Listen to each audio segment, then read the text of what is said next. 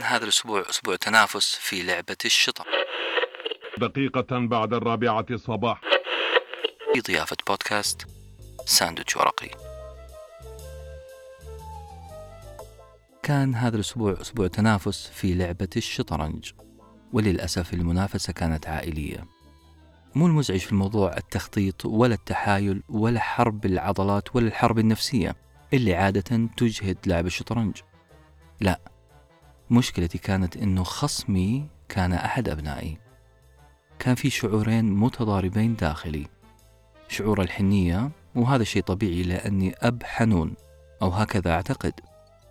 والشعور الثاني هو شعور الرغبة في الانتصار شعور التنافس شعور أي رجل يدخل تنافس شرس أو غير شرس. هذا التضارب في المشاعر مجهد. عرفه الكوميديان البريطاني لما قال تضارب المشاعر القاتل هو نفس الشعور اللي يدور في بالك وأنت تشاهد حماتك تقود سيارتك البورش آخر موديل بجانب حافة هاوية. أنا عشت أسبوع تضارب مشاعر قاتل أترنح بين مشاعر الأبوة الحانية ومشاعر الرجولة الشرسة. هل أعلم ولدي قوانين القوة وأساعده أن ينتصر؟ أم أمارس عليه قوانين القوة وأنتصر أنا؟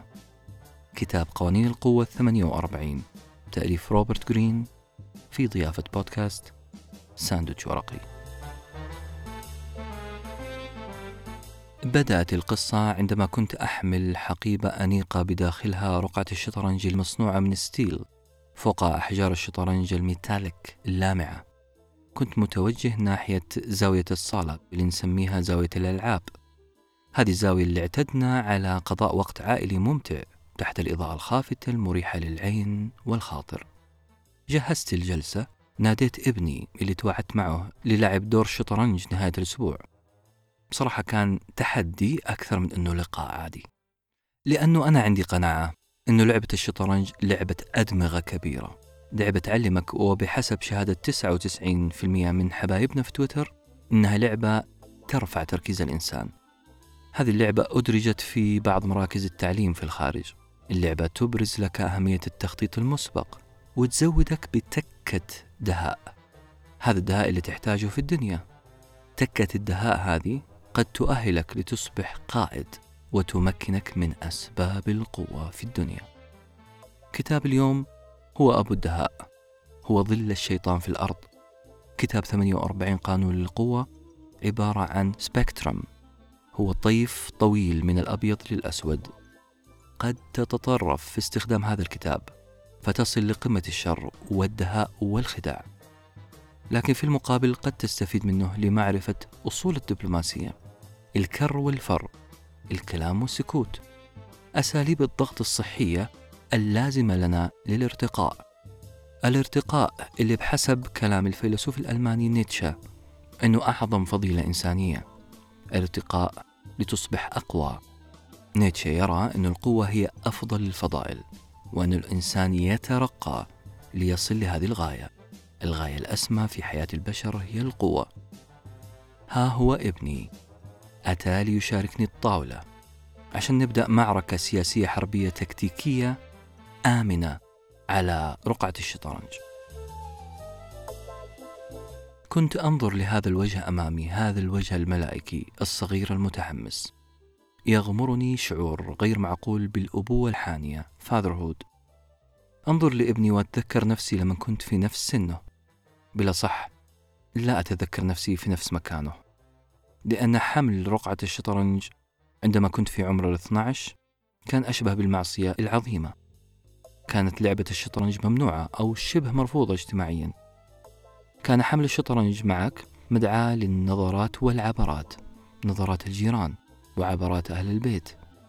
فردت الطاولة وبدأت أحاضر على ولدي قوانين القوة. بدأت أفهمه أنه أن تكون إنسانا مسالما تماما في مجتمع طيب ومسالم فهذا شيء عظيم. لكن هذه يا ابني يسموها اليوتوبيا المجتمع المثالي الغير واقعي مجتمع غير موجود غالبا. أي مجتمع في الدنيا فيه صراع على القوة والسلطة. ولو كنت تحب تفوز علي في الشطرنج لابد لك من الحيل والقرارات السليمة وإن بدت غير أخلاقية. ومن على هذا المنبر يا ابني راح أتعامل معك كمنافس. راح نتبارز فيها بالسيوف الحسية والمعنوية. سأكبت شعور الفاذر هود واتجه للمان هود ميدان الرجولة. كله في سبيل أن أقدم لك البيئة الواقعية المناسبة البيئة التي ستمكنك من قوانين القوة. لا أخفيكم سر. أنا قلت هذا الكلام وأنا أضغط على أسناني لأنه كلام ما ينقال. صعب جدا على أي إنسان. الانتقال من حالة الأبوة الحانية إلى الرجولة التنافسية والعكس. مو مستحيل لكن صعب. الدليل إني إلى الآن لازلت أترنح بل أتخبط بين الحالتين بدون توازن. خلاص نبدأ. مين يبدأ؟ أنت قاعد تفكر في إيه؟ هذه المجموعة من الأسئلة كان من المفترض إني أجاوب عليها لكن أعترف لكم إني ما سمعتها ما سمعت ابني وهو يسألني هذه الأسئلة كنت مشغول بالتفكير في الإجابة على سؤال آخر تماما سؤال يقول هل أنت أب مثالي؟ هل تدريب ابني على فنون الخداع واللف والدوران شيء صحيح؟ كانت هذه إحدى مشاكلي العظيمة من 12 سنة فأنا أرى العالم يحكمه الأقوياء بينما كل اللي ربيت عليه ابني هو العقل والتفاهم والسلام لكن السؤال اللي يفرض نفسه يقول ألا يوجد في الخارج أمراض معدية؟ ألا توزع الحكومات لقاحاتها على الأطفال؟ إذا هنالك مشكلة في الخارج معادلة تفكيري تحتاج إعادة وزن أبنائي بحاجة لأن يروا العالم على حقيقته أن يكتسبوا مهارات الكر والفر لكن في بيئة آمنة. أزعم أنه هذا الستيل البراق أمامي هو البيئة الآمنة. بعد ما وصلت لهذه النتيجة رفعت رأسي وجات عيني في عين ابني الحائرة وجاوبته على واحد من أسئلته قائلا يلا ابدأ أنت. ابني كان قليل الكلام لكن إذا تكلم عرفت أنه إما يبغاني أسمع أو يبغاني أساعده في التفكير. سألني ماذا تعني علامة الزائد اللي فوق رأس الملك على رقعة الشطرنج؟ والفيل ليش سموه فيل؟ ومين اخترع اللعبة أصلا؟ وليه؟ وكيف؟ وفين؟ ومتى؟ كلها أسئلة سياق تطفو على السطح. يحتاج فيها الأبناء مساعدة عشان نلهمهم أو نعطيهم الإجابة. في نفس الوقت هي فرصة عظيمة عشان أمرر معلومات وقيم قد يحتاجها ابني. وهنا أقول قد لأني بصراحة لم أجد إجابة على كل أسئلته إلا أنني تذكرت أنه حجر الفيل في الشطرنج هو ترجمة عربية للهندية. الهنود يسموا الفيل جاجا وجاجا معناها فيل بالعربي. العرب أخذ مصطلح فيل وأطلقوا على هذا الحجر في رقعة الشطرنج. الأسبان والكاتالان أخذوها من العرب الفيل. والإيطاليين سموه الفييري. بعد ما قلت لابني هذه المعلومات حسيت إني خرجت من الزنقة شوية وابتسمت وقلت له إلا الإنجليز الإنجليز يسمون الفيل بيشوب أسقف أو شخص ذو مرتبة عالية في الكنيسة المسيحية ما اكتملت ابتسامتي على وجهي إلا وأهال ولدي علي أسئلة ما لها مبرر وكأنه يدبر لشيء معين سألني إيش يعني مسيحية؟ إيش يعني أسقف؟ هل الأسقف زي الشيخ عندنا؟ وإيش الفرق بيننا وبين المسيحيين؟ وليه في مسيحيين في مصر ولبنان؟ لا أخفيكم أشغلني بهذه الأسئلة السهلة الممتنعة لكن مسؤوليتي كأب صالح إني أستغل الفرصة وأجاوبه عدلت جلستي وبدأت أرتب أفكاري من فين أبدأ؟ مم ممتاز راح أبدأ بالكلام عن أقباط مصر أو المسيحيين في مصر مصر يا ابني فيها عدة كنائس لكن في كنيستين رئيسيتين في مصر. الأولى اسمها الكنيسة الأرثوذكسية والثانية اسمها الكنيسة الرومان أرثوذكسية. رغم تشابه الدين المذهب والعرق والوطن بين أتباع الكنيستين إلا أنه وكما يقول المؤرخ يوسف زيدان حصل قديما خلاف كبير بينهم راح ضحيته عشرات الآلاف. الكنيسة الأولى اللي هي الكنيسة الأرثوذكسية الكنيسة الأقدم نشأت في مصر واعتنقت فكرة أن الآب أي الرب والابن أي المسيح ناشئين عن طبيعة واحدة بينما الكنيسة الأخرى اللي هي الرومان أرثوذكس كانت تقول بأن الآب والابن من طبيعة واحدة. لاحظوا الفرق الأولى تقول عن طبيعة واحدة الثانية تقول من طبيعة واحدة. وما بين من وعن عشرات الآلاف من القتلى. ما علينا؟ علينا أنه واحدة من الكنيستين انتصرت على الأخرى. الكنيسة المنتصرة طردت المهزومة طردتهم من البيوت ثم دخلت البيوت لتخفي أي أثر للمهزومين. قامت بتكسير الأثاث والأواني الفخارية. بالعربي الكنيسة المنتصرة كسرت أولة وراء الكنيسة المهزومة. هكذا اختصر يوسف زيدان رأيه في أصل المثل المصري الشعبي اللي يقول اكسر وراه أولة يعني إذا خرج شخص كريه من حياتك اكسر وراه أولة هو تعبير عن سعادتك بالتخلص من أي أثر له. بينما أنا قاعد أحكي قصة الأولة والمسيحية بكل حماس ولدي كان يطبق فكي فيله على أول جندي من جنودي. وقتها انتبهت وابتسمت ابتسامة أبوية حنونة. سرعان ما اختفت وكشرت تكشيرة واضحة. دلالة على إني ما أمانع في الهزيمة بس ما أحب أنخدع. ابني ما أعطاني فرصة وقال لي الحرب خدعة. وقتها وقتها بس تأكدت أنه أنا أولى الناس بالكتاب اللي راح نقدمه لكم اليوم. كتاب 48 قانون للقوة. 48 Laws of Power. للكاتب روبرت جرين. ميكافيلي يقول إذا أردت أن تكون رجلا نبيلا طوال الوقت فأنت حكمت على نفسك بالإعدام. لأن معظم الناس حولك ليسوا نبلاء طول الوقت. البس قفازات ملاكمة مصنوعة من القطيفة. اجعل لكماتك أكثر تحضرا. اجعلها تصف من أنت وتحقق لك الأمان بقوة ناعمة قوة ناعمة جدا. وقبل نبدأ لا تعتقد أنك إن كنت داهية وقويا في المجتمع إنك حتكون مكروه. بالعكس تماما. كلما ظهرت وتصرفت كقوي كلما أشعرت من حولك بالأمان بالثقة والمتعة. خلونا نبدأ السلسلة اللي تستحق أن تصفق بيديك لكل قاعدة منها وتستحق منك التأمل والتحليل الكافي عشان لا تحولها لأداة لتدمير الآخرين. جيد أن تعي بهذه القوانين جيد أن تطبقها في حدود.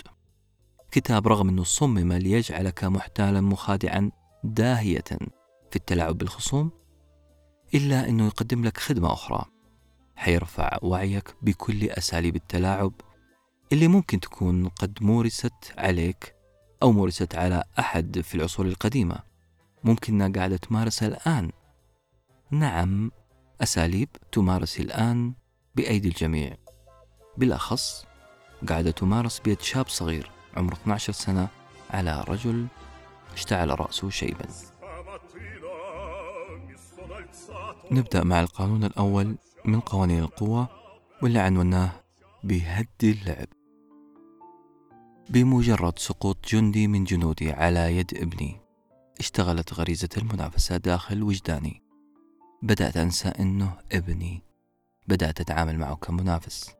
قد يسقطني كملك للعائلة إن صح التعبير.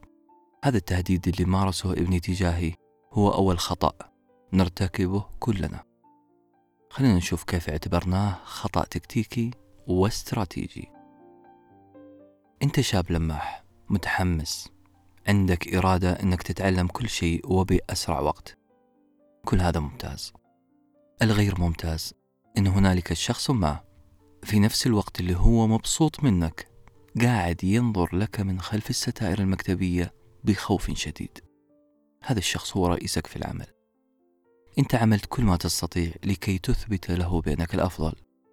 لكن مديرك أو المشرف عليك أو رئيسك في العمل شايف هذا الشيء بطريقة مختلفة. هو شايف إنك ممكن تكون في يوم من الأيام أفضل منه. وهذا أكبر خطأ ممكن تقترفه. هذا الخطأ هو إنك مو عملت بجد لإثبات أهليتك بل بإخلاص ونية طيبة تعديت هذا الشيء وبدأت تثبت أن أهليتك ومهارتك أعلى من مديرك. كل واحد فينا عنده زاوية insecurity منطقة لا أمان. نشعر في هذه المنطقة بنقص في الثقة. لا تنسى أنه مديرك ما هو ملاك. هو ما هو والدك اللي يتمنى لك كل خير أو يتمناك أفضل منه. صعب تجد إنسان يفرح بأنك حتصير أفضل منه. صعب جدا. خلونا واقعيين. وخلونا نفهم قانون القوة رقم واحد. إن كنت مبدعا عظيما لا تنسى أن تجعل رئيسك أو مديرك يشعر بأفضليته. لا تجعله يصاب بالرعب منك ومن مهارتك. استعراض مهاراتك وفرد عضلاتك أمامه بتوقع سخيف جدا بأن هذا الشيء حيعجب رئيسك في العمل هو سلاح ذو حدين. غالبا الحد اللي من جهتك حيصيبك حيصيب كفيك الماهرين. أحيانا الذنب مو ذنبك. أحيانا أنت ما أنجزت أي عمل ولا طحنت الدنيا طحن عشان تبرز. أحيانا جمالك الرباني. صوتك الجميل. موهبتك الطبيعية هي التي تتحدث عنك بدون أن تعلم. جمالك لباقتك أدبك أو الكاريزما الطبيعية اللي تتناثر من عينيك وشخصيتك. هذه الأشياء قاعدة تخليك تتميز غصب.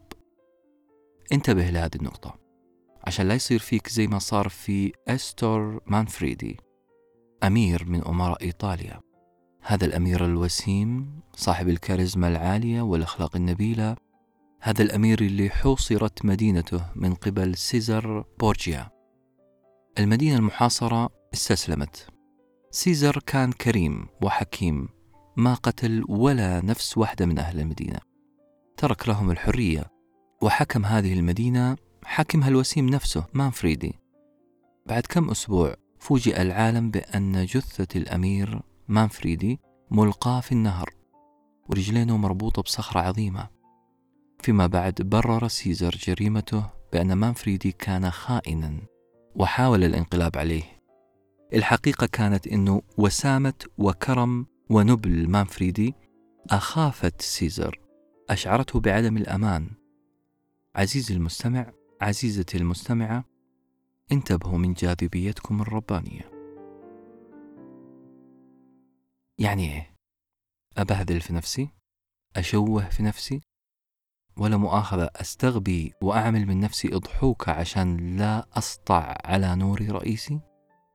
الكتاب يقول حاجة قريبة من كذا للأسف الكتاب يقول خليك ذكي وفهم رئيسك ميزاته لأنه أكيد فيه ميزات نقطة اللا أمان في رئيسك لابد أن تلغيها من رأسه كيف؟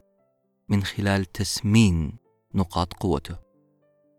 الكتاب وبخبث شديد جدا وصراحة متناهية يقول انفخ رئيسك. لكن مو قدام الله خلقه. لأنها عملية مكشوفة وواضحة واضح أنك تستميله. واضح أنك تنافقه. ممكن أنك تخلق لنفسك عداوات وتنعت بالمنافق المتزلف. لذلك خلي المدح والتغزل سري بينك وبينه. إن كنت أذكى منه اعمل العكس. خليه يظهر وكأنه أذكى منك. لا تنجر رجلك وتتحمس وتنافسه. اسأله كم سؤال يبين له إنك ما تستغني عن توجيهاته إنك محتاج لخبرته وذكائه. الكتاب راح أبعد من كذا كمان. قال اعمل أخطاء بسيطة غير مضرة وخليه ينبهك عليها. وامتن لتوجيهاته وحرصه عليك. الرئيس اللي ما يعطيك توجيهاته حيعطيك بدل التوجيهات لعنات ومكائد. فاغلط يا أخي لو مرة. خليك زي غاليليو. غاليليو اللي بمجرد أن يكتشف نظرية جديدة ويؤلف كتاب يهدي الكتاب لأحد ملوك إيطاليا. ويطلب من هذا الملك أن يتعامل مع الكتاب وكأنه ملكه وتأليفه. مثلا لما اخترع تلسكوب جديد أهدى هذا التلسكوب لأحد أمراء إيطاليا. الهدية كانت عشان يحس هذا الأمير بأنه متميز عشان يشعر بالأمان. خليك غاليليو. لا بأس من أن تخفي بعض عظمتك. خليك جاليليو وخلي رئيسك في العمل يشتعل زهوا بدل ما يشتعل حقدا. بصراحة أنا اشتعلت حقد وبدأت تهديداتي تطال قلعة الخصم. ابني الحبيب. القانون رقم اثنين. سمن عدوك. رغم احتدام المنافسة إلا أنني بدأت أسيطر على رقعة الشطرنج. نعم الخبرة تلعب دور. مو الخبرة لوحدها أنا عندي شوية فن مراوغة. زي ما يقول أخواننا المصريين أنا نومت ولدي في العسل. كسبت ثقته بأني لن أهاجم وبعد كده خيبت هذه الثقة بحركة واحدة. الخبر الجيد أن ولدي صار أكثر حذرا في تعاملاته مع الآخرين. الغير جيد أني كنت أنا في مقدمة الآخرين. سمن عدوك. لازم تخاف من أصدقائك أكثر من أعدائك. والسبب معروف. طعنة الظهر لا تأتي إلا من الخلف وعدوك عمرك ما تعطيه ظهرك. لكن للأسف اللي في ظهرك هم الأصدقاء. نعم الكلام هذا في تعميم. فهنالك العشرات من الأصدقاء المخلصين في الأرض. لكن التاريخ والواقع الحزين يزاحم هذه الإيجابية في عقلك. الكتاب يقول لك بالعربي بدل من أن توكل لصديقك مهمة حساسة استعن بعدو. ليه؟ لسبب غريب جدا. يقول الكتاب لأن عدوك راح يكون أكثر ولاء وعطاء من أصدقائك. كلام غريب جدا. خلونا نفصله. عدوك عارف تمام المعرفة أنك لا تثق فيه. ماذا تتوقع أن يفعل؟ إذا صالحته وأسديت له مهمة ما. صحيح. راح يحاول أن يعكس توقعاتك وينجز لك المهمة على أكمل وجه. خصمك أو منافسك أو عدوك عنده هدف واحد. هو أن يثبت أهليته وولاءه لك. دافعيته لإثبات جدارته أكبر من دافعية صديقك. صديقك already اكتسب جدارة مبنية على الصداقة والمعرفة. صديقك الحميم هو شخص عظيم. تجمعكم حرارة صداقة وأخوة لا مثيل لها. وهذه الميزة هي نفسها العيب. لأنه في لحظة ما صديقك راح يقول شيء زي لو طنشت فلان ما حيزعل مني. صديقي وأنا أعرفه راح يرضى بسرعة. ما حيروح بعيد. صديقي هو حريقة شغل. حينجز المهمة بنفسه. وهكذا. أنت عزيزي المستمع عزيزتي المستمعة حتدخل في دوامة الثقة والصداقة. وراح تضيع مهمتك ونقاط قوتك حتتبخر. بسبب إيش؟ بسبب حرارة الصداقة الصدوقة. خلونا نشوف مايكل الثالث اللي كان على عرش الدولة البيزنطية. مايكل تولى العرش وحوله مئات القتلة مئات الدهاة والطامعين في الحكم. احتاج لشخص يعمل معه كمستشار. ما لقي إلا بازيليوس صديقه. بازيليوس كان بالعامية ميح صفر لا يمتلك أي خبرة ولا في أي شيء. صفر في الإدارة صفر في التخطيط صفر في الدهاء. السيرة الذاتية الخاصة ببازيليوس لا تحمل أي مؤهلات فقط مؤهلين. المؤهل الأول صداقته لمايكل ملك بيزنطة والثاني طمع في الحكم. مايكل ما صدق وأعطى بازيليوس منصب رئيس القصر. حبة حبة خطوة خطوة بدأ بازيليوس يتحول لوحش وحش إداري ووحش اقتصادي. سيطر على كل عوامل القوة من مال وتعليم ورجال. والأهم سيطر على الجيش. نهاية القصة مؤلمة. أعدم بازيليوس خال الملك. بازيليوس أعدم خال الملك مايكل. وجد مايكل نفسه في يوم من الأيام محاصر من قبل جنوده بأوامر بازيليوس. هذه مشكلة الصداقة. أنت أعطيت ظهرك لصديقك في مهمة حساسة. خلونا نكون أوضح وأكثر تفصيلا. الكتاب ما كان مغامر لدرجة أنه قال عين عدوك في منصب حساس. أقصد الكتاب ما رماها بنفس الطريقة اللي قدمناها لأنه هذا نوع من الجنون لكنه يقول بشكل دقيق أكيد كان عندك أعداء. هدئ من هذه العداوة. سيصبح هذا العدو عنصر لا فلزي بمعنى آخر اختر عدو سابق وأوكل له مهمتك المطلوبة. أنت في هذه الحالة ستجنب نفسك تواكل الصداقة وحقد العداوة. حتكون الحالة الجديدة هي الولاء لك فقط. قرار الاستعانة بأصدقائك يبدو قرارا حكيما لأنهم هم أكثر الناس اللي تأتمنهم ولكن باسم الصداقة ستصاب بالعمى عن الحقائق. حقائق زي هل هذا الصديق بدأ يشكل خطرا حقيقيا علي؟ باسم الحب اللي بينك وبين صديقك ستستغل. بينما في حالة عملك مع عدوك راح تضع هذا العدو أمام عينيك. راح تجلس له كما يقال على ركبة ونص. ستكون أكثر حذرا. ستحلل كل تحركاته وسكناته. هذا من جهة. من الجهة الثانية العدو اللي عينته في منصب حيحاول يكسب ثقتك بكل شكل. الخلط بين الصداقة والعمل؟ غلطة. لن نفيق منها إلا عندما نرى رؤوسنا تتدحرج على الأرض. أعتقد ولدي فهم الدرس.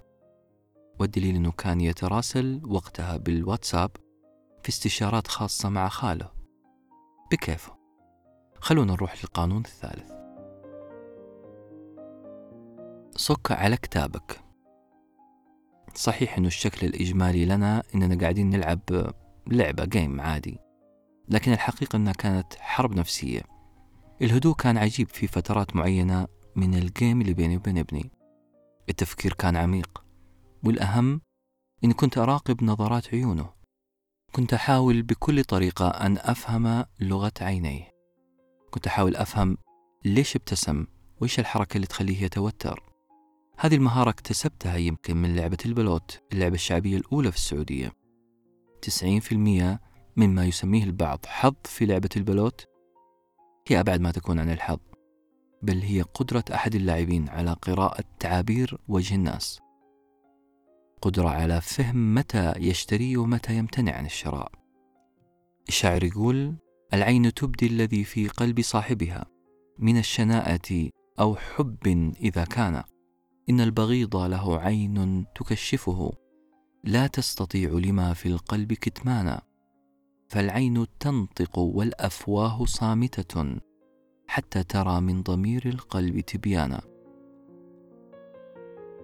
الكتاب ينصحك بأن تحمل بوكر فيس يعني وجه ما له أي ملامح. الكتاب يقول لك حاول أن تجعل الجميع لا يعلم ما الذي تنوي فعله. لا يعلمون ما هي مشاعرك ما هي دلالة ملامحك. بهذه الطريقة أنت ستؤدي مهمتك في كامل السرية والأمان. لن تكون هناك ردات فعل صحيحة تخرب عليك مهمتك. إذا كان عندك مشروع فكرة أو بزنس إذا كان عندك خطة عمل عظيمة تصرف بحرص.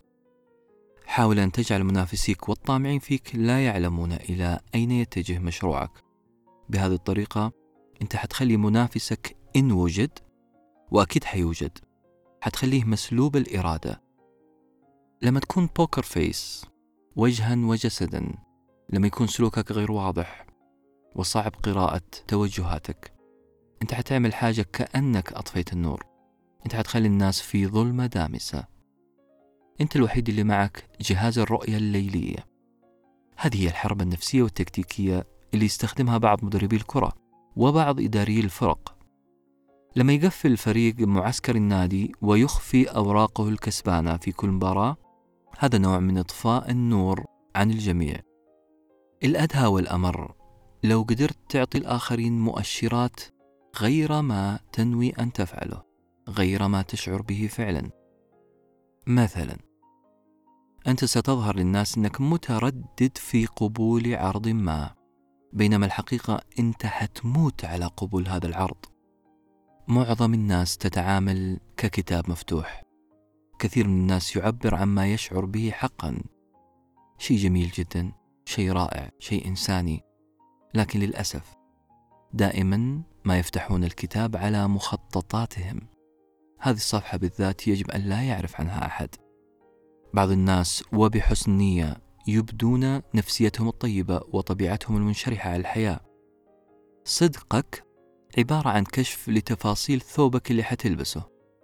للأسف الشخص الآخر قاعد يتربص بك. إما أنه حيقلد ثوبك أو حيجهز طريقة يفسد فيها فرحتك بهذا الثوب الجميل. لذلك خبي خططك.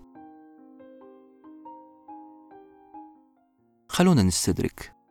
مو المطلوب منك تكون كتوم.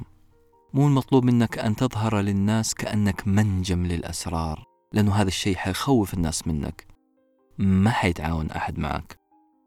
لا بالعكس. قول خطط مستقبلية أحلام ومشاريع. خذ راحتك. بس بشرط واحد إنها ما تكون هي خططك الحقيقية. بهذه الطريقة أنت حتضرب ثلاثة عصافير بحجر واحد. أنت حتظهر كإنسان ودود حبيب منفتح مع الناس.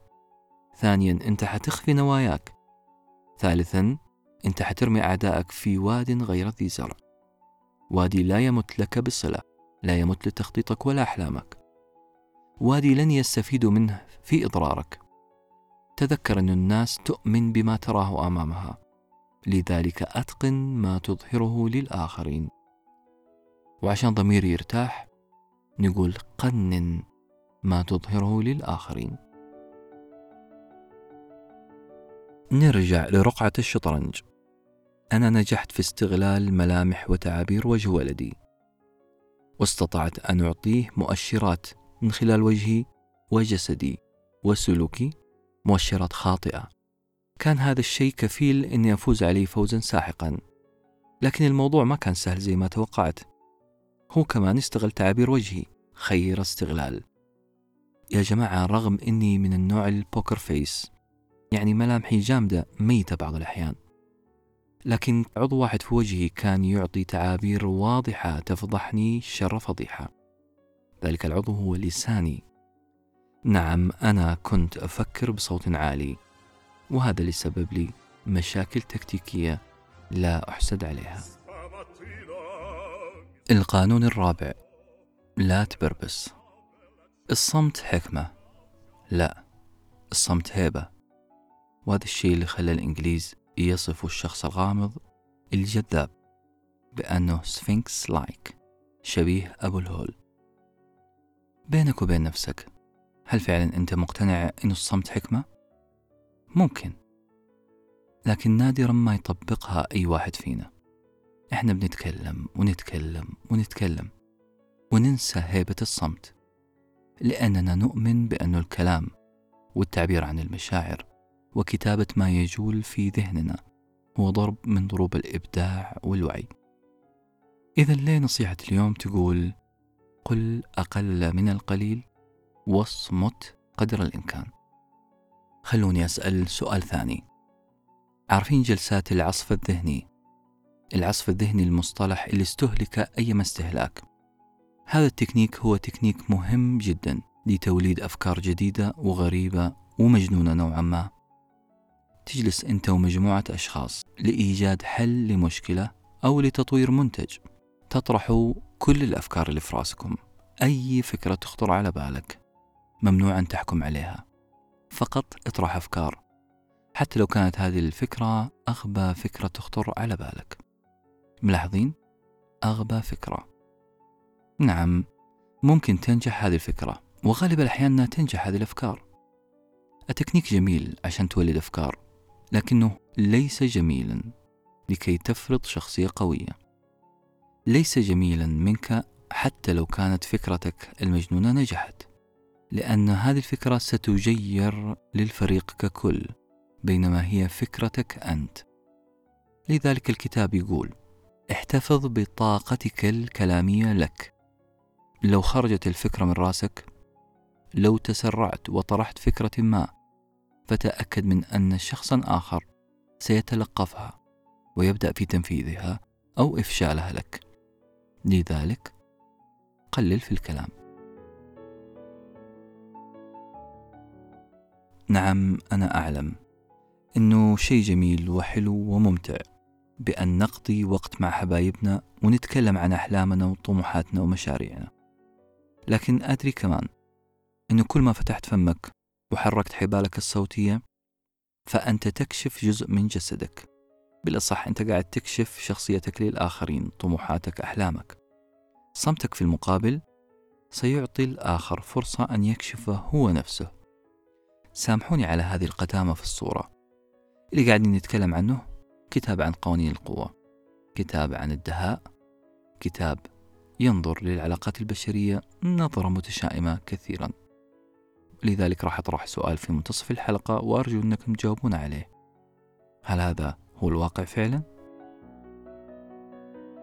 الكتاب يقول كثيرة هي الاختراعات اللي سرقها ناس بسبب ثرثرة أصحاب الفكرة الأصليين. كثيرة هي المقولات اللي سرقت بسبب عدم التزام الصمت الحميد. التعبير الأشهر في عالم السياسة اللي اخترعه تشرشل تعبير الستارة الحديدي. هذا التعبير اللي يعني الحدود التي فرضها الاتحاد السوفيتي بين شرق أوروبا الشيوعي وغربها الديمقراطي الرأسمالي هذا المصطلح للأسف ما هو لتشرشل بل هو مصطلح لملكة بلجيكا استخدمته لوصف الثورة البلشفية قبل 25 سنة من تشرشل الكريدت هنا أو الفضل راح لتشرشل اللي التقط المصطلح ووظفه أمام الناس جميعها. في مسلسل ساينفيلد. كان واحد من الشخصيات اسمه جورج. جورج شاب غير محظوظ أبدا ساخط عاطل غاضب. والأهم أنه غير واثق من نفسه. جورج في حلقة من الحلقات كان في اجتماع وكان الجميع ما هم معطينه أي اعتبار. رمى تعليق على واحد من اللي في الاجتماع. لحسن حظه كان هذا التعليق ذكي جدا وكان مضحك. لدرجة أن كل الحضور الضحك في وقت واحد وبدأت تتوالى عليه عبارات الإعجاب. لأول مرة يشعر جورج بالإطراء ملامح وجهه بريئة وسعيدة حماسه عظيم لدرجة أنه تحمس ورمى تعليق ثاني على طول. التعليق الثاني للأسف كان من أسخف ما يمكن لدرجة أنه كل تلك النظرات المشرقة تجاه جورج اختفت. الكل كشر مرة ثانية وأدار ظهره. وبدأ الاهتمام بكلام شخص آخر. جورج هنا استنتج في تلك الحلقة أنه قولي الملاحظة الذكية والمضحكة خلي الناس تضحك اسكت تماما ولا عاد تضيف شيء. بالعربي اترك الانطباع الأول والأخير الجيد الكتاب يقول القوي يقول أقل يبدو أكثر غموضا ثم يختفي. نعم يختفي. لذلك لا تبربس. وعلى رقعة الشطرنج. اكتشفت أن الاحتراف فيه عيب. بدأنا أنا وابني نحترف اللعبة لدرجة أننا صرنا نمارس احترافية الصمت إحنا الاثنين. كل جيم نلعبه تزيد هذه الاحترافية ويزيد صمتنا. وهذا الشيء ممل. حياة المحترفين يا جماعة مملة. وهذا الشيء خلاني أحب لعبة الكيرم البريئة والمليئة بالضحك والنظرات وأحيانا العبرات. القانون الخامس من قوانين القوة السمعة. حافظ عليها بحياتك.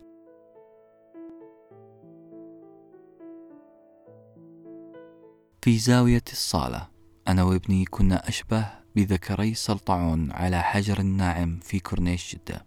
سلطعونين في حالة ترقب. هذا هو الوصف الأمثل لمنظرنا ونحن أمام طاولة الشطرنج الناعمة. عيوننا بارزة تترقب الحركات والسكنات لكن نظرات ابني كانت فاضحة نوعا ما. لو سمحتوا لي أفسر هذه النظرات راح أقول إنها نظرات خوف. أكيد سببها سمعتي كلاعب شطرنج جيد. سمعة بنيتها في وقت طويل جدا. ومعروف أن السمعة تبنى في عشرين سنة وتدمر في دقيقتين فقط. هذا الشيء خلينا نعيد التفكير في موضوع السمعة. سمعتي أنا كشخص يحتفظ برقعة الشطرنج في شنطة قطيفة لونها عودي تبجحي المستمر بامتلاك شطرنج ستيل وتطرفي في الاهتمام بهذه التحفة الفنية والحديث عنها وعن قوانينها وتكتيكاتها في كل فرصة تسنح لي؟ صنع لي اسم. سمعتي في لعبة الشطرنج تسبقني دائما وتهزم خصمي. كلام كبير. السمعة هي حجر الأساس في برج القوة. سمعتك كشخص قوي راح تكون هي السلاح الخفي والأول اللي ترعب فيه الخصوم. حترعب فيه أي شخص يفكر بإيذائك أو تعرض لك. وكأنه جيش كامل يتحرك قبل أن تتحرك أنت. لذلك اجعل سمعتك غير قابلة للاهتزاز في أعين الغير. خليك حذر. خليك حذر فيما تقوله. على الأقل ادرس ما ستقوله لخصومك. كيف أبني سمعة تسبقني؟ الكتاب هنا قال كلام عملي بحت. قال رقم واحد أسس لتلميع ميزة واحدة فيك. ركز عليها. ابرزها للناس وخليهم يصدقوها. أي ميزة فيك؟ الصدق الأمانة أو حتى المكر والخداع. خلي هذه السمعة تسبقك زي ما كانت سمعة روميل تسبقه وتجعل أعداء البريطانيين يرتجفون رغم تأكدهم من أنه جيش انهار روميل قدر يوهم الجميع بأنه الأقوى وأنه لا يهزم. بلا صح هو قدر يقنع الجميع قناعة تامة. أنه إذا تحرك فسيخدع وإذا ضرب فسيوجع. لو سألتوني ما هي أجمل نصيحة في الكتاب. راح أقول لازم تحافظ على تألقك. لا تيجي في يوم من نهار أمام الناس. لا يجي وجهك منهك معنوياتك طايحة. هذا التذبذب حيأثر في الصورة اللي يحملها الناس لك. كونك دائما متألق نشيط حاضر الذهن هذه نقاط مهمة تبني بها سمعة الجاهزية الدائمة. هذا شيء جميل وحق لكل إنسان بأن يظهر قويا. لكن الكتاب شطح شوية وبدأ يتكلم عن الإضرار بسمعة الآخرين. هنا نجي لنقطة لا أخلاقية أبدا. يقول الكتاب لا بأس أن تروج إشاعة لتشويه سمعة خصمك. الكتاب يعتبرها هجوم شرعي في أي منافسة شرسة خاصة إذا كنت أنت الطرف الأضعف في المعادلة. يعني المدرب الفلاني يروج إشاعة أنه سمع من ناس مقربين في النادي المنافس أنهم سيستغنون عن مدربهم. هذه الإشاعة تنزل قبل أيام من النزال الكبير بين الفريقين المتنافسين. يا ترى الفريق الأقوى والذي أطلقت عليه شائعة ما الذي سيحصل له؟ أولا ستنتشر الإشاعة في الجرائد وبرامج الرياضة وهذا شيء عادي. الغير عادي واللي ما ننتبه له هو أثر هذه الشائعة. لأن الفريق المنافس إما يطنش وما يرد على الخبر وبالتالي حتكبر الإشاعة شيئا فشيئا وتتأثر معنويات الفريق ويمكن تخلق مشكلة بين المدرب والإدارة مشكلة حقيقية. احتمال ثاني أن يرد المدرب على الإشاعة وينفيها وهذا اللي غالبا يحصل. هنا نقول صحيح أنه نفى الإشاعة لكن لابد أن تبقى بعض الشكوك في قلوب المحبين. هذه الشكوك راح تتعب الفريق وحتأثر في أدائه بشكل أو بآخر. إذا كنت أنت الطرف الأضعف وحاولت تدمير سمعة الخصم الكتاب يقول لك اشغله عنك بإطلاق شائعة تمسه. فعلا الكتاب لا أخلاقي لحد كبير. نعم هو كتاب لا أخلاقي. لكن نرجع نقول الواقع مليء بهذه الأمثلة. هذا الواقع صعب علي مهمة أني أطبق القاعدة مع ابني في جلسة شطرنج عائلية حميمية هل أقتل الحميمية بالدخول في دهاليز الخبث؟ هل أقتل الحميمية بأني أطلع على ابني السمعة أنه ما يعرف يلعب؟ هل يجوز أعمل هذا الشيء من باب أني أعلمه أصول الخداع؟ هل يعطيني قلبي أسويها؟ اتجهت هذه المرة للفاذر هود شعور الأبوة الحنون وكدت أن أخبر ابني بمخططاتي لكني غيرت رأيي بسرعة ورجعت مرة ثانية للمان هود لشعور الرجولة اتجهت لحس التنافس الشرس بمجرد أني عرفت من مصادري الخاصة أنه ابني قاعد يروج إشاعة أني ما ركز في اللعب وأن ستايل الهجومي مهترئ غير مجدي. كلام كبير يا ابني لكن الله أكبر حبدأ في الهجوم.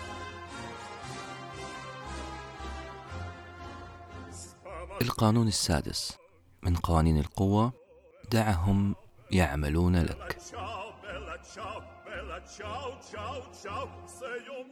أنا أحب أحتفظ دائما بطاقتي قدر الإمكان خصوصا لو كان في مجال تنافس مع الغير. ممكن تسموها استغلال منصب لكن هذه الطريقة مجدية بشكل غير معقول. هذه الامتيازات دائما ما عملت لصالحي وأعتقد إنها تثبت نجاحها في معركتي الحالية معركة الشطرنج.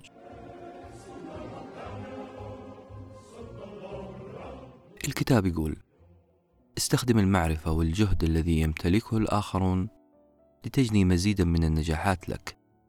هذا العمل الجماعي ما حيخدمك بأنه يوفر لك الوقت والجهد اللازم إنما كمان حيجعلك تظهر كمصدر إلهام. سيخلق هالة حولك بأنك سريع في إنجاز المهام بأقل جهد وأسرع وقت. كتاب ما يقول استغل الآخرين لكن استفد من الطاقات الهائلة حولك. وظفها التوظيف الصحيح.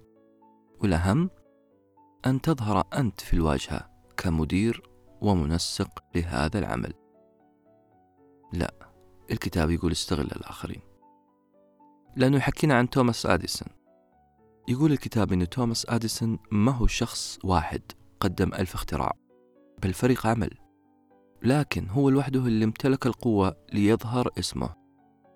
بالأصح قوته وقيادته كانتا عظيمتين لدرجة أن الفريق اللي يشتغل معه رضي بأن يكون الكريدت كامل الفضل الكامل السمعة كاملة لتوماس أديسون.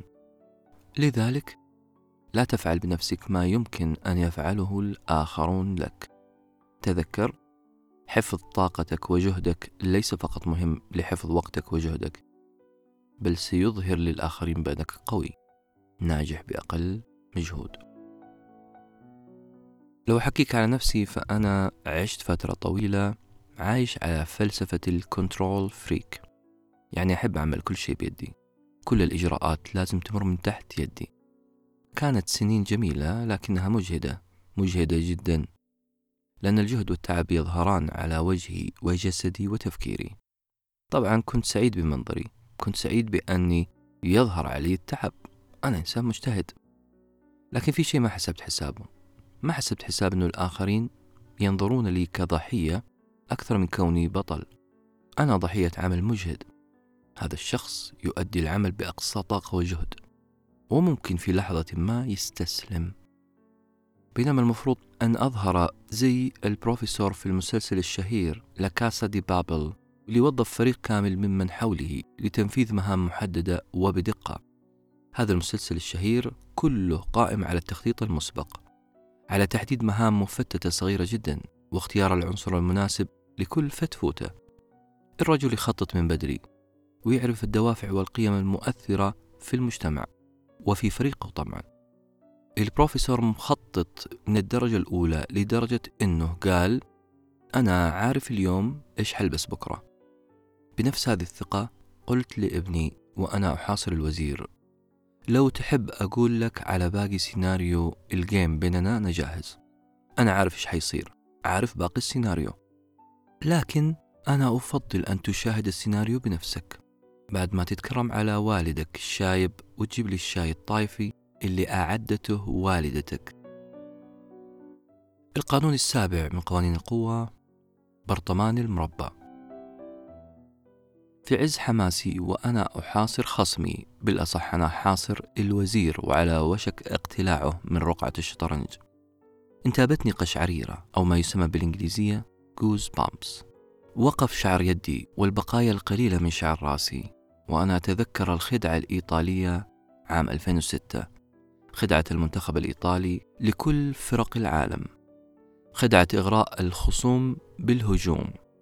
نعم كان هذا هو التكتيك اللي انتصر به منتخب إيطاليا في كأس العالم. دفاع متواصل يغري الخصم بالهجوم ثم اللدغ بقوة وبقسوة.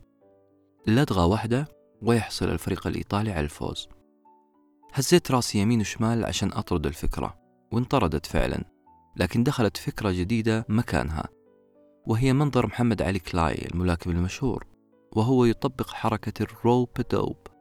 محمد علي في هذه الحركة يستند ظهره على الحبال ويغطي بيديه وجهه ويترك بطنه مكشوفا للخصم وهذا قمة الإغراء لأي خصم لأنه يبدأ الخصم في إمطار بطن محمد علي باللكمات. هذا الأسلوب فوز محمد علي كلاي على فورمان جورج فورمان الضخم المخيف حيث استهلك جورج فورمان طاقته كلها في لكم بطن محمد علي. محمد علي المستند للحبال والمدافع بكل ضراوة. بعد سيل اللكمات على بطن محمد علي فجأة وعلى حين غرة ينتفض علي في الجولات المتأخرة ويرسل مجموعة من اللكمات المركزة على خصمه المنهك بسبب الهجوم المتواصل. باختصار أنا أرى شبح محمد علي كلاي. وشبح منتخب إيطاليا يتجسد في game الشطرنج عندما رأيت ابني يبتسم على تهديدي له بانتشال الوزير. خصمي يعد لخطة ما. القاعدة تقول إذا خليت خصمك يتحرك معناها أنت الطرف المتحكم في المعركة. إذا قدرت تغري الخصم بالطعم المناسب فسيتقدم ويكشف أوراقه. وقتها وقتها فقط. ستجد ثغرة مناسبة لتهاجم هذا الخصم منها. الكتاب واضح. يقول لا تقاتل. لا تقاتل في ساحة معركة ليست لك. من الأصل لا تدخل معركة ما هي لك. لا تزحف أنت تجاه عدوك أو منافسك. دائما خلي في بالك نقطة. اجعل خصمك هو من يأتيك. اجعله هو من يقترب. عندما يبدأ الخصم في الهجوم فهو يكشف مجموعة أوراق بينما أنت لا زالت كل كروتك مغطاة لا زال الغموض يلف كل زواياك. ستستطيع في لحظة أن تكتشف ثغرة في هجوم خصمك. في هذه اللحظة ستقتنصها. إذا عجبك هذا الكلام خذ مننا هذا المصطلح هدية. catenaccio. catenaccio كلمة إيطالية معناها مزلاج الباب. وفي عالم كرة القدم مقصود فيها تكنيك اخترعه مدرب سويسري لاحظ أنه منتخب بلاده في بطولة كأس العالم كان غير قادر أن يقاوم شراسة منتخبات أوروبا العريقة. يعني ما يقدر يواجه منتخبات قوية زي ألمانيا وبريطانيا. هذه الفرق كانت تعتمد على الهجوم العنيف. لذلك المدرب السويسري عمل تشكيلة دفاع. تشكيلة دفاع تجيب الهم.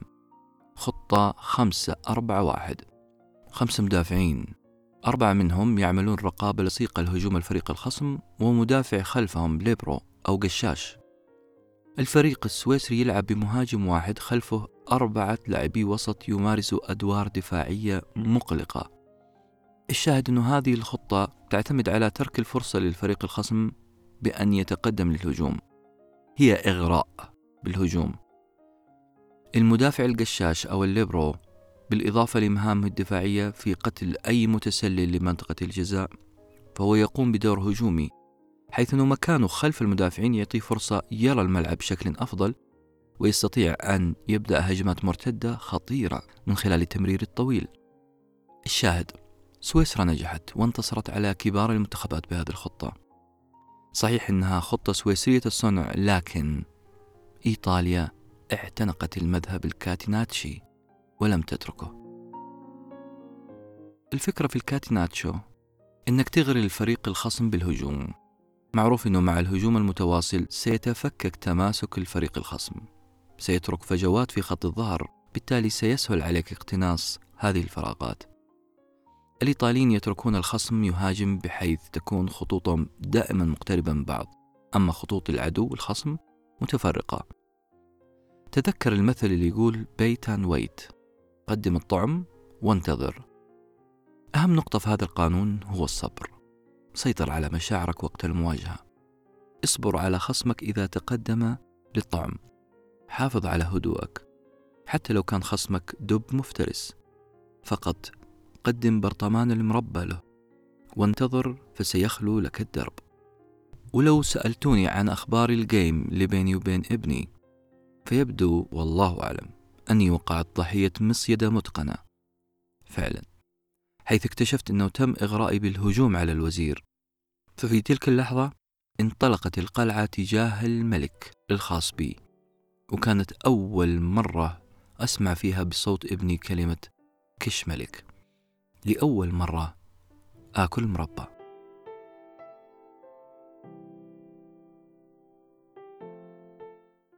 القانون الثامن من قوانين القوة يقول: انتصر بأفعالك لا بالجدل.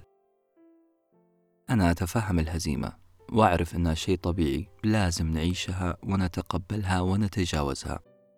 الخسارة وضع طبيعي أتفهمه. عندي بس مشكلة واحدة مع الخسارة. أكره أكون أنا الطرف الخسران. نعم. أحب الفوز زي عيوني. ما أنام الليل لو انهزمت. خاصة لو كانت الهزيمة أبيك يعني هزيمة ثقيلة ومخزية. مثلا أكون انهزمت بالخداع أو جات هزيمتي بعد ضغط عصبي كبير أو جات هزيمة قاسية. هذا الشيء اللي بدأ يمارسه ولدي معي.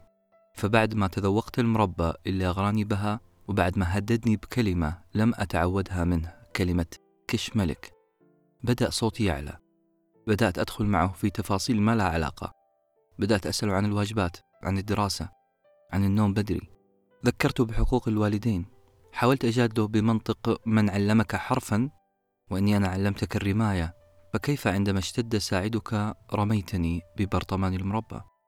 عشت ليلة ما كنت أتمنى أن أظهر فيها بهذا الشكل المجادل المتوتر الضعيف. هنا نبهني ابني لنقطة واحدة وقال فين التصريحات العنيفة اللي أطلقتها قبل ما نبدأ اللعب؟ في اللحظة هذه استرجعت القانون الأجمل في هذا الكتاب. لا تجادل بل افعل. هنا خليني أسألكم سؤال. هل تتذكرون حالة جدل حصلت بينكم وبين أحد الأشخاص؟ أخوك أو أختك زوجك أو زوجتك صديقك أو صديقتك. حالة جدل حتى لو كانت مع شخص يادوب تعرفت عليه في عشاء. تتذكر كيف كان شعورك وقتها وقت الجدل تتذكر كيف احتد النقاش وانت تقاطع الطرف الآخر وهو يقاطعك؟ هل تتذكر كيف كانت حرارة جسمك ولخبطة أدرينالينك؟ خلينا نفترض أنك كنت أنت الشخص صاحب الحجة في هذا الحوار وأفحمته أيما إفحام كل جملة كنت تطلقها تنظر للي حولك وشايف فقاعة تفكيرهم تقول يا لك من داهية خلونا نحول اتجاه السؤال. ونشوف أحوال الطرف الآخر في الحوار. الطرف المفحم هذا الشخص اللي أفحمته وأقنعته كيف كان شعوره بعد الحوار. مستحيل يكون مبسوط. بالعكس هو أكثر سخونية الآن وأكثر ضخا للأدرينالين منك. احتمال كبير أنه ستأخذه العزة بالإثم ويحاول البحث عن طريقة يحرجك فيها. أو يحاول أن يدخلك في نقاش جديد عشان ينتقم منك.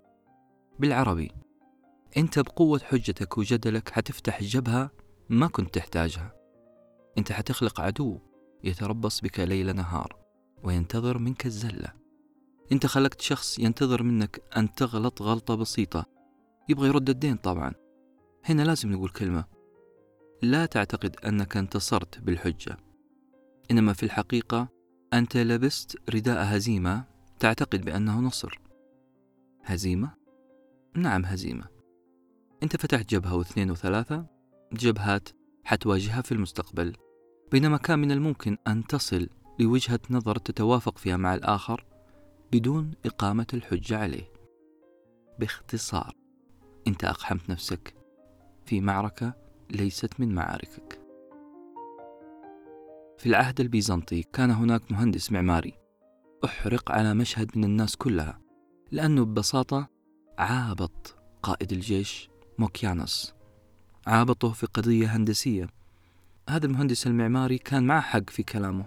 كان معه حق بأن السفينة الحربية التي صنعها فريق قائد الجيش كبيرة جدا ويجب أن يصغر حجمها عشان تزيد كفاءتها.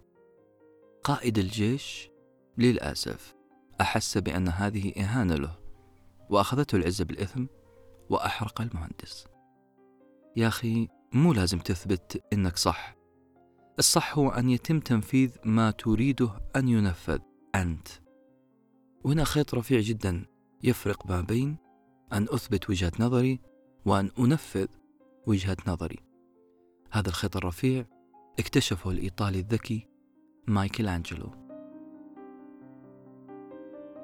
مايكل أنجلو النحات العظيم الرسام المشهور بعد ما أكمل نحت تمثال لشخصية بارزة في مجتمعه. جاله شخص من العامة وبدأ يتفلسف عليه. بالأصح بدأ يتفلسف على أنف التمثال ويقول له إنه الأنف غير متساوي. مايكل أنجلو ما أخذ الموضوع بشكل شخصي ولا استهزأ ولا عابط هذا الشخص. بل أخذ الإزميل والمطرقة وعمل نفسه أنه قاعد ينحت جزء من أنف التمثال ونفخ على وجه التمثال وكأنه يزيل بعض الغبار. وبعدها سحب هذا الشخص الزعلان وقال له تعال معايا من هذه الزاوية شوف إيش رأيك. صاحبنا المقترح ابتسم من الإذن للإذن وراح يطقطق في كعوبه ليخبر الجميع عن تمثال مايكل أنجلو وعظمته. مايكل أنجلو ما حلل وشرح بل أعاد توجيه الطرف الآخر بطريقة لتتوافق وجهتي نظرهما. لذلك مايكل أنجلو انتصر بفعله لا بالجدل. بعد هذه القصة الغريبة لمايكل أنجلو مضطر أقول وبأعلى صوت يا للهول. الكتاب قدم توليفة حرق الأعصاب. أعتقد هذه التوليفة يتقنها الطرف المنتصر دائما في البرامج الحوارية الساخنة على الفضائيات.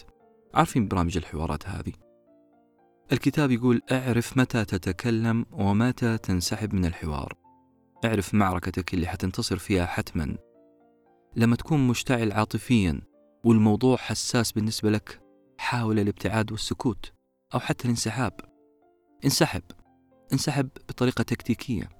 مثلا كأنك تتوافق مبدئيا مع المتحدث مع الطرف الآخر. انتظر على هذا الحوار حتى يصبح الموضوع ضمن دائرة قوتك. موضوع في قضية تفهم فيها تمام الفهم. موضوع تمتلك فيه الأدلة والبراهين. وفي نفس الوقت أن تكون أعصابك أبرد ما يمكن. هذه هي معركتك. الآن خصمك عجينة في يدينك. إذا ما اقتنعت خليني أبسطها آخر تبسيط. إذا كمشت قبضتك وكشرت عن نيابك وجهزت وضعية الهجوم على شخص آخر ونويت أن توجه له لكمة تجاه بطنه. مية في المية بل مية وعشرة في المية. الطرف الآخر حيشد عضلات بطنه لأقصى درجة. ليه؟ لأنك أعطيته مؤشرات الهجوم. أنت أعلنت الهجوم بصراحة وبالتالي خصمك حيعلن الدفاع. لن تستطيع إقناعه لن تستطيع لكمه لن تستطيع الانتصار. أنت حتضيع جهد ووقت وطاقة كنت في حاجة إليها. بدلا من أن تجادل وضح. الإنجليزي يقولوا don't explicate demonstrate. يعني لا تعقد النقاش فقط وضح هذا النقاش. مثلا لو كنت في عشاء وأصر أحد الأشخاص أنه شكسبير أصوله عربية وأنه اسمه الأصلي الشيخ زبير. أنت ممكن تهزأ من هذه المعلومة ومن حقك لكن لن تنتصر في هذه المعركة لأنه خصمك راح يتخذ وضعية العزة بالإثم. حيجادلك ويثبت ويقنع ويرد. لا تسمح لمعلومة الشيخ زبير بأنها تستثيرك. تعال شوي على نفسك تعال شوي على كبريائك. وفر العناد والرعونة والجدل واسحب الموضوع لليفل أعلى لمستوى أعلى. تحدث عن ظاهرة تعريب بعض الكتاب العرب لكلمات إنجليزية. تحدث عن إسراف بعض العرب في هذا السلوك. تحدث عن ناس تبنوا هذا المسلك. واطرح كيف تم الرد على هذه الممارسات من قبل كتاب آخرين. ويا ليت لو تذكر المصادر بعض المصادر. عارف أنت إيش سويت؟ أنت حضنت صديقك ثم وضعت يدك على كتفه في منظر أخوي وبدأت تأشر بأصابعك تجاه ناس آخرين. هم اللي حصل منهم الخطأ. أنت وصديقك في هذه الحالة أشبه بجوز كناري قاعد يتفرج على جدل بعيد عنكم. لا أنت ولا هو متورطين في هذا الجدل. إيش اللي حصل؟ أنت طرحت نقطتك كسبت صديقك وفرت طاقتك وانتصرت نسبيا وعدلت المعلومة.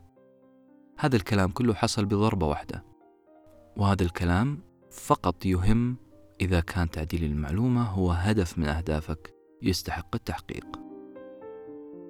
وخلال جيم الشطرنج استخدمت هذه النصيحة.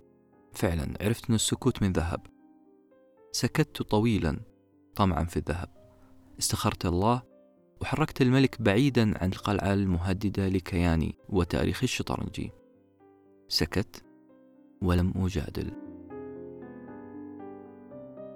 القانون التاسع من قوانين القوة تجنب البائسين والنكديين لعبة الشطرنج ما هي لعبة تنافس فقط بل هي لعبة تعارف. أنت تتعرف على الناس وشخصياتهم وطبائعهم نقاط ضعفهم وقوتهم. أنا أشكر أهل الهند على اختراعهم للعبة الشطرنجة الشطرنجة اللي اشتقت منها لعبة الشطرنج.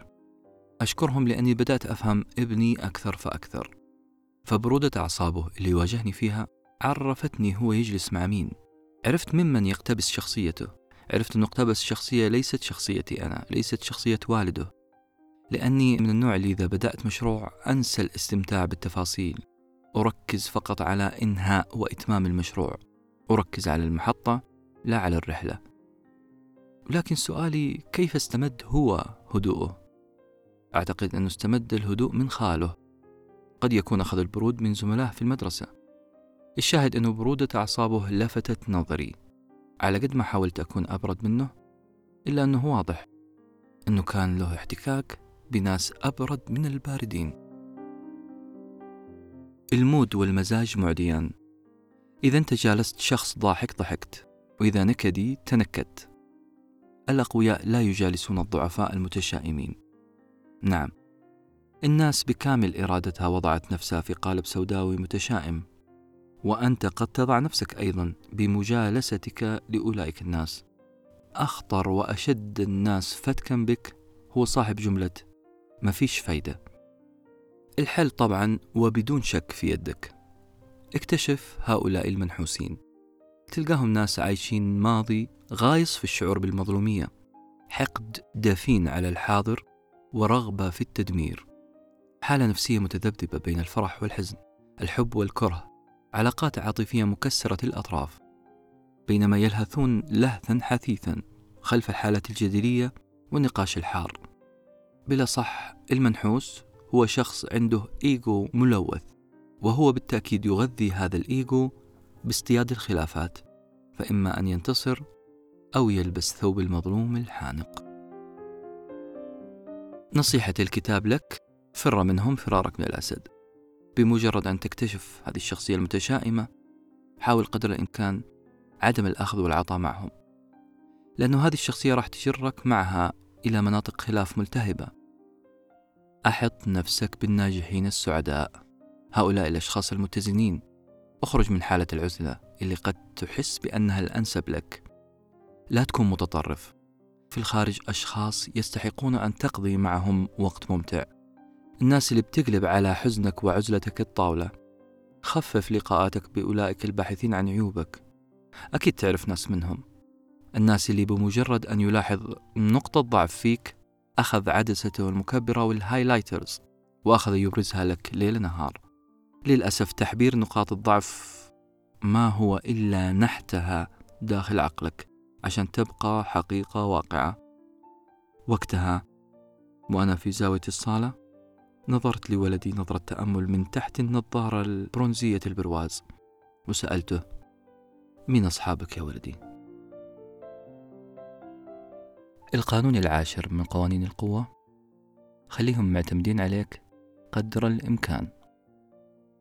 نعم أنا أب. وأسعى لتعليم ولدي الصيد بدلا من أن أطعمه سمكة كل يوم. وخلال المرات العديدة التي كنت ألعب معه فيها شطرنج كنت أترنح بين تمكينه من تعلم صيد الجنود وباقي أحجار الشطرنج وبين جعله أكثر كسلا واتكالا. لكني كأب كنت أميل أكثر للتمكين. وكانت غلطتي. فقد بدأ يطلق كل أسلحته وبدأت أسمع كش ملك لأكثر من مرة. يبدو الآن أن هرمون الأبوة هو هرمون ضعف. أتبنى كثيرا منهج التمكين empowerment لكن الكتاب يقول في حالة التنافس لا تفكر في تمكين منافسك بل فكر في التهجين. انسى التمكين وفكر في التهجين.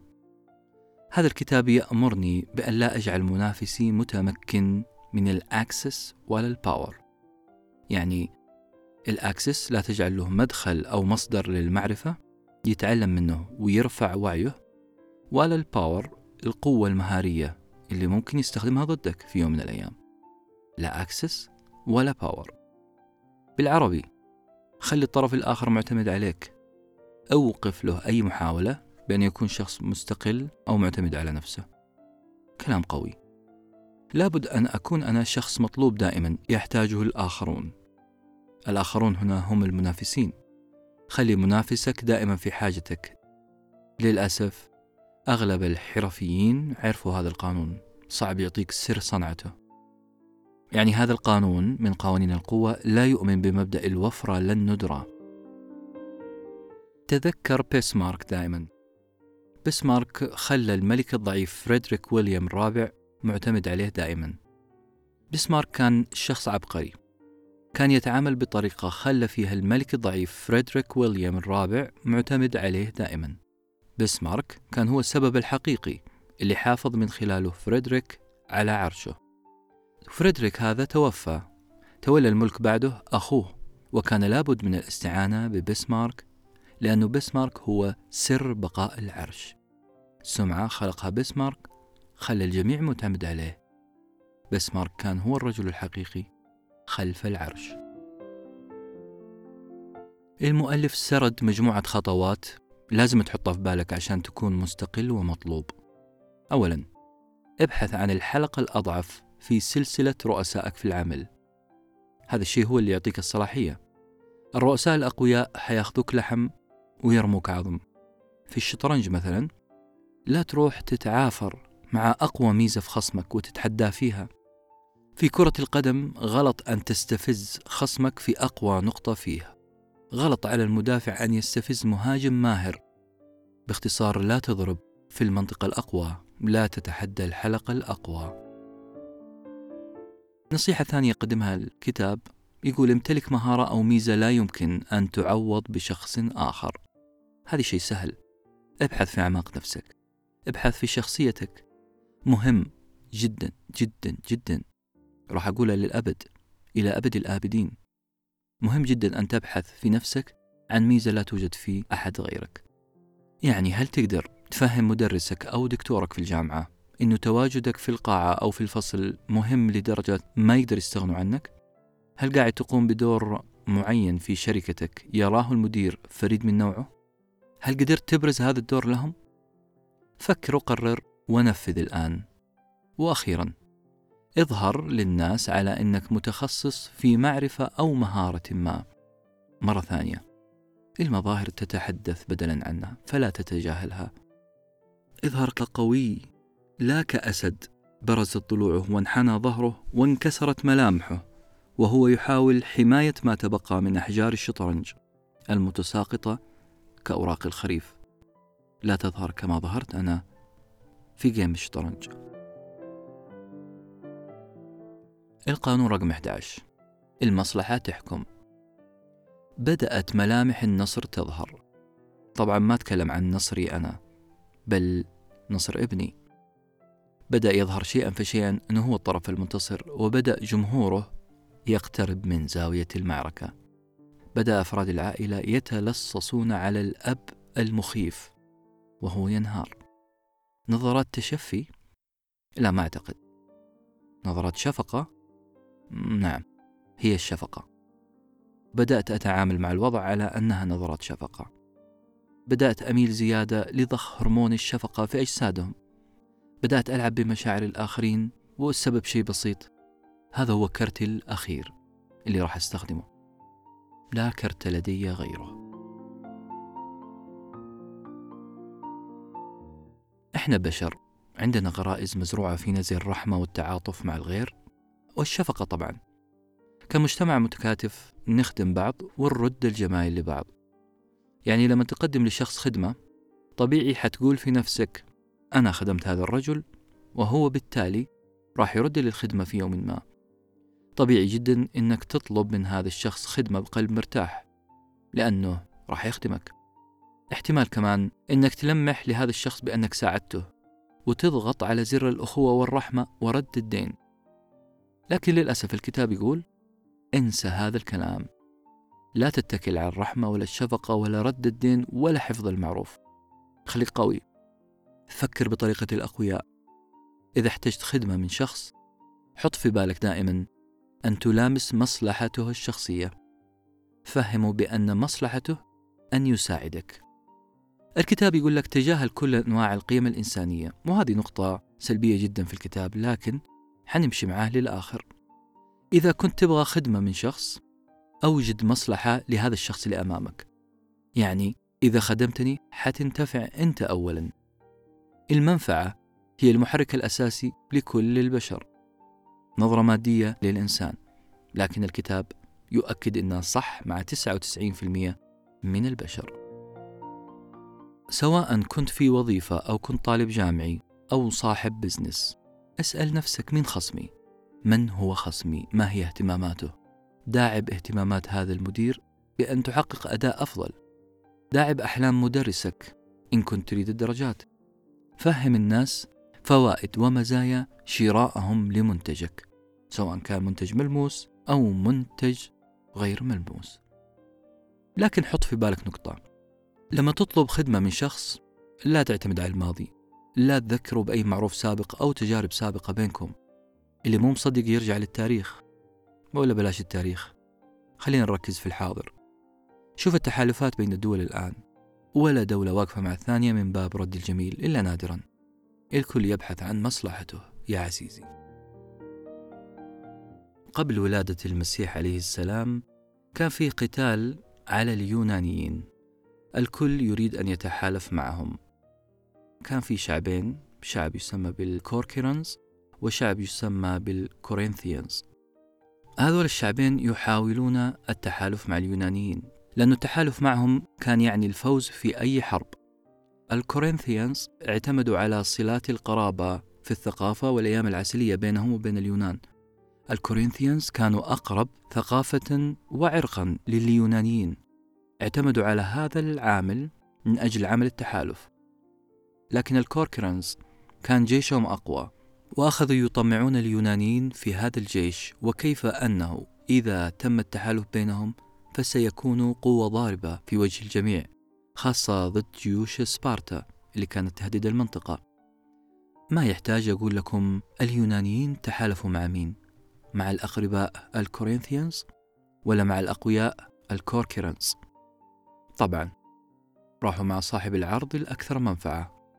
صاحب الجيش الأقوى. لذلك نقول لك فكر بطريقة مارلون براندو في فيلم العراب. فكر بطريقة I will make you an offer you can't resist. وهو الاقتباس الأشهر اللي قاله مارلون براندو في فيلم العراب. نقطة ثانية. لا تظهر للطرف الآخر إنك في حاجة هذه الخدمة اللي تطلبها منه. خذها قاعدة يا صديقي. بالقدر الذي تظهر في حاجتك بالقدر الذي حتبعد ذلك الشخص عن تنفيذ ما تريد. خذها قاعدة. وأخيرا لا تصدق أي شخص وهب حياته للعمل التطوعي والخدمة المجانية. لا تصدق هذا الكلام. كلهم يريدون شيئا من خلف هذا التطوع والتبرع. وهذه تقريبا هي أسوأ جملة فيها سوء ظن في الكتاب. الكتاب يقول كل إنسان يعمل عمل تطوعي فهو يبحث عن منفعة من هذا التطوع والتبرع. يبحثون عن ماذا؟ قد يكون الصيت والسمعة. إذا فاوضت شركة على حمله تبرعات لا تطلب التبرع في الخفاء لا تطلبه في إيميل مخفي بل اطلبه في العلن. الطرف الآخر الشركة اللي حتتبرع لك تريد منك أن تطلب في العلن. حقق ما يريده منك الشخص المتبرع. أظهر طلبك أمام الناس. لتظهر مبادرة الشركة المتبرعة أمام الناس. للأسف برضو النظرة مادية. طالما أن الصيت والعلن هو ما يريده هذا الشخص المتبرع فأنت نجحت في تحقيق رغبته. بالتالي سينفذ خدمتك. فكر فيها شوية وادرس معايا التبرعات العلنية والمنح المعلنة في وسائل التواصل على مرأى ومسمع من الناس. حتعرف أنه هذا الكلام اللي قاله الكاتب في شيء كبير من الصحة. ما في أي ظلم أو تعسف ضد البشرية. القانون الاثنى عشر لا تبقي ولا تذر من قوة خصمك. على طاولة الشطرنج مع كل كش ملك أسمعها يكش جسمي أكثر. أتلفت يمين ويسار أبحث عن قشة النجاة هنا أو هناك. لكن الوجوه ما تطمن. الكل ينتظر انتهاء العرض الحزين. الكل ينتظر نهاية رجل شجاع. توقعت أن يرحموا عزيز قوم ذل. توقعت أن يهدأ الهجوم الرهيب على جيش الشطرنجي. لكن هيهات. يبدو أن ولدي والحضور بجانبه. اقتنعوا بأن لحظة الحسم حانت. فلا وقت للهدوء الآن. هذا القانون قانون رقم 12 هو واحد من أدمى القوانين في الكتاب وأكثرها عنفا. يقول الكتاب وأنت في عز انتصاراتك. ستفضل أن ترتاح في نصف طريق القضاء على خصمك. يقول الكتاب أنت هنا تحفر قبرك بيدك. هذا الشيء معروف جدا في كرة القدم. دائما ما يقال أن نتيجة 2-0 هي أخطر نتيجة والسبب أنك ستركن للراحة. وحتطمئن. لكن لو كنت فايز بهدف واحد حتكون حذر أكثر حتقاتل بكل قوة على الحفاظ على النتيجة. لو كنت فايز 3-0 خصمك غالبا ما يكون متألم ومحبط وشبه يائس. بالتالي هذا حيساعدك في زيادة الضغط عليه. لكن نتيجة 2-0 حتخليك تهدأ بينما خصمك يعيد حساباته ويجمع أنفاسه ويبحث عن فرصته. لما تنتصر واصل التقدم والهجوم حتى ينتهي خصمك تماما. إما كذا أو أنك ستفتح على نفسك باب الانتقام في أي لحظة. لا تتعاطف مع عدوك لأنه لو حصل فرصة عليك لن يتعاطف معك. تذكر المشاهد الأخيرة في الأفلام الأمريكية. الشرير اللي على طرف برج ماسك بيد واحدة في حافة السطح والبطل يحن ويقترب منه لينقذه.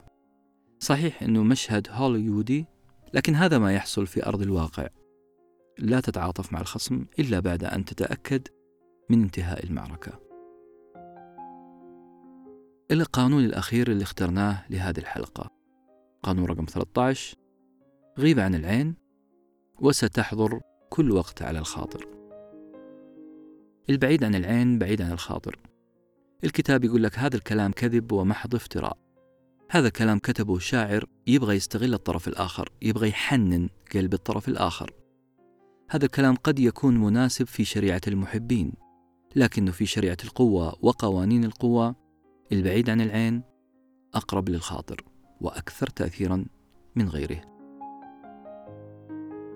البضاعة المتوفرة في كل مكان ما حد يطالع فيها. هذا مو قانون قوة بل قانون كوني. كل ما صرت قليل الوجود قليل التواجد في مكان ما قليل الكلام قليل الظهور. كلما زاد رصيدك في أذهان الغير. حتصير طلتك لها قيمة.